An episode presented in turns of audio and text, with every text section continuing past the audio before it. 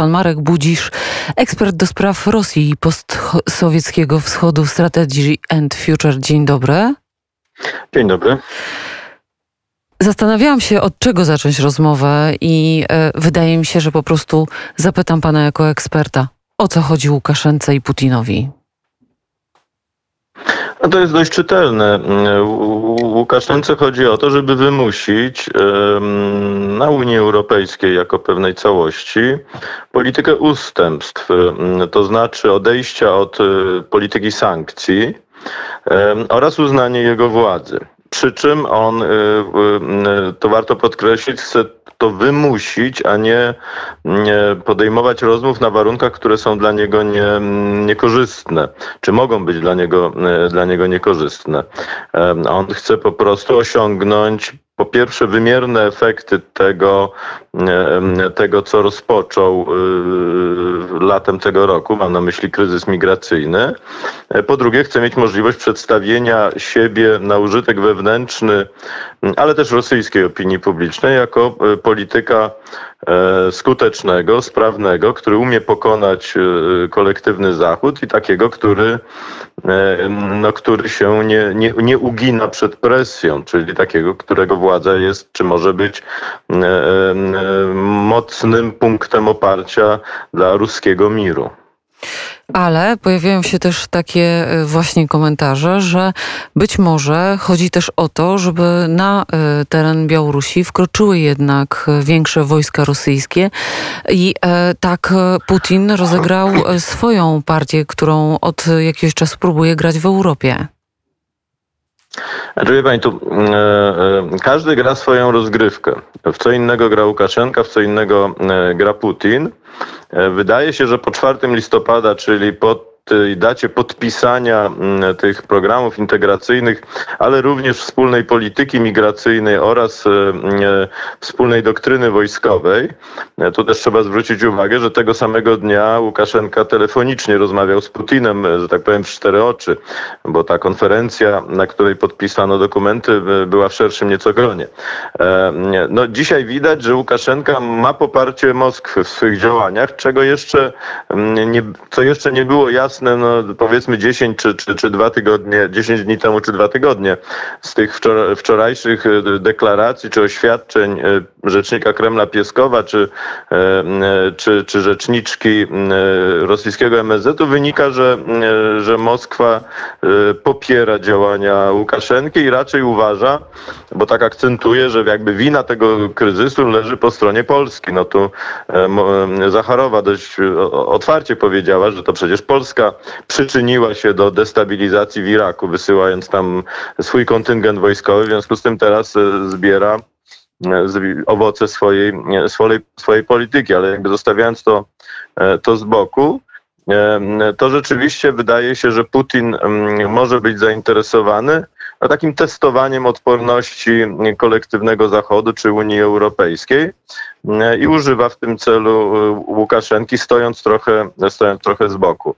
Łukaszenka po pierwsze ma poparcie polityczne, po drugie e, jak powiedział też wczoraj na konferencji prasowej szef białoruskiego MSW, e, no ma rezerwy, bo te rezerwy wynikają z, z podpisanej umowy z Rosją. Tam się mówi o współpracy stosownych organów, w tym i ochrony granicy.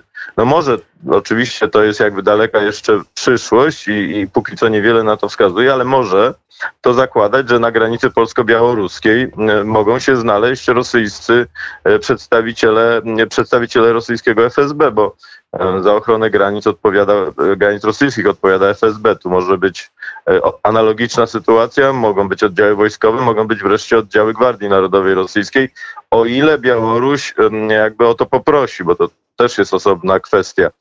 Ale to pokazuje, że jakby ta, ta skłonność do eskalacji konfliktu po stronie białoruskiej, bo tak ten sygnał trzeba odebrać, jest duża. E, I oni mówiąc o tym, e, e, minister mówiąc o tym, jakby pokazuje na całej Unii Europejskiej oraz Polsce, że my nie ustąpimy. Mamy zasoby, mamy poparcie polityczne, mamy wreszcie sojuszników, którzy mogą nas wesprzeć. W związku z tym, e, kolokwialnie mówiąc, e, no Polacy, szykujcie się na dłuższą batalię. Tymczasem polska opozycja krytykuje zaopieszałość polski rząd e, za to, że nie prosimy o, o, o to, żeby nam pomogła Unia Europejska czy chociażby NATO. Pana zdaniem, co my jako Polacy, mówię tu w kontekście władz polskich, powinniśmy zrobić w tej sytuacji? Znaczy, wie pani, ja bym nie chciał e, komentować dość trywialnych w gruncie rzeczy sloganów. No bo cóż to znaczy, e, iż NATO nam powinno pomóc? NATO nie ma procedury działania e, w razie agresji poniżej artykułu 5. A nawet jeśli agresja wypełnia przesłanki artykułu 5, czyli, czyli ma charakter zbrojnego wtargnięcia, z czym nie mamy do czynienia, e, to i tak NATO podejmuje działanie po po konsultacji i w efekcie konsensusu wszystkich państw członkowskich. W związku z tym to, to jest i czasochłonne i, i, no i najpierw musi mieć, musimy mieć do czynienia z tego rodzaju e, sytuacją. To, co dziś NATO może nam zaproponować, to to pewnego rodzaju konsultacje polityczne i one mają miejsce. W związku z tym to już w ogóle jest jakaś aberracja, jeśli ktoś poważnie e, coś takiego e, dzisiaj proponuje, żeby zwrócić się do NATO. E, trochę podobnie, jeśli chodzi o Unię Europejską, bo jaka jest dzisiaj sytuacja w Unii Europejskiej? No nawet te dość ograniczone sankcje przeciwko reżimowi e, białoruskiemu są bardzo mocno kontestowane przez państwa Europy Zachodniej. No można je wymieniać. Irlandia, nie chce, ażeby e, wprowadzić ograniczenia w zakresie leasingu samolotów, którymi posługuje się Bielawia, przewoźnik białoruski, właśnie po to, żeby przewozić migrantów do, na Białoruś. Dlaczego nie chce tego? No dlatego, że większość europejskich firm leasingowych w tym sektorze je, ma siedzibę w Irlandii. Irlandia jest rajem podatkowym i, i jej interes jest dla niej ważniejszy niż jakieś tam odległe problemy na polskiej granicy. Belgowie chcą z kolei, żeby te sankcje, które wchodzą w życie w grudniu, jeszcze zostały złagodzone, no bo nawozy drożeją, w związku z tym e, w związku z tym no, e, trzeba się tutaj trochę ugiąć. Takich przykładów można podawać znacznie, znacznie więcej.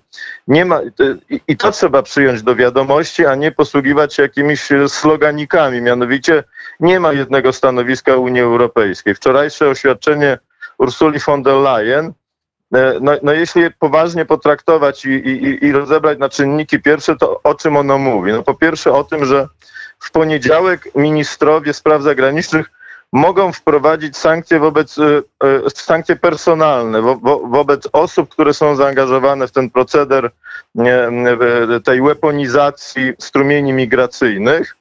Natomiast jeśli chodzi o to, co rzeczywiście mogłoby dotknąć Białoruś, czyli na przykład wprowadzenie zakazu lotów tych firm lotniczych, które przywożą migrantów na Białoruś, na teren Unii Europejskiej, to to jest analizowane i rozpatrywane.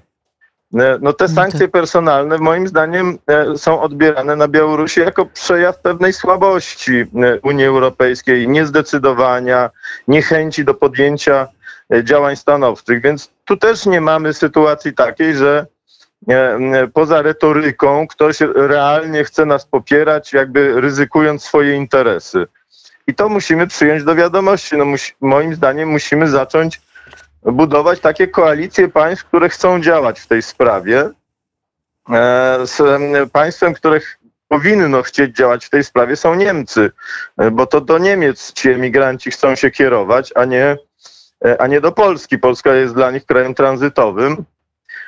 I możemy w gruncie rzeczy też zrobić to, co wydaje się, że zrobili Litwini. No przecież tu warto, warto pamiętać, że Litwini przyjęli 4200 migrantów e, e, z Białorusi, zanim zaczęli stosować tą procedurę pushback. Zamknęli ich w źle strzeżonych albo w ogóle niestrzeżonych takich obozach przejściowych. Większość tych migrantów uciekła z tych obozów. No i dostała się do Niemiec. No to, to pokazuje, że państwo polskie ma też możliwości, powiedziałbym, nieco nieco sprytniejszego podejścia, ale nie róbmy tego. Zaproponujmy Niemcom e, działanie w tej kwestii po prostu, bo jest to też w ich interesie. No, nie stawiajmy na konia, który nie dobiegnie do końca tego wyścigu, mam tu na myśli Unię Europejską, tylko e, grajmy z tymi, którzy chcą działać. Bardzo serdecznie dziękuję. To, e, to naprawdę była bardzo ciekawa rozmowa. Życzę zdrowia i przepraszam, że męczyłam w trakcie choroby. Dziękuję bardzo. Marek Budzisz, Strategy and Future, był gościem magazynu Wnet.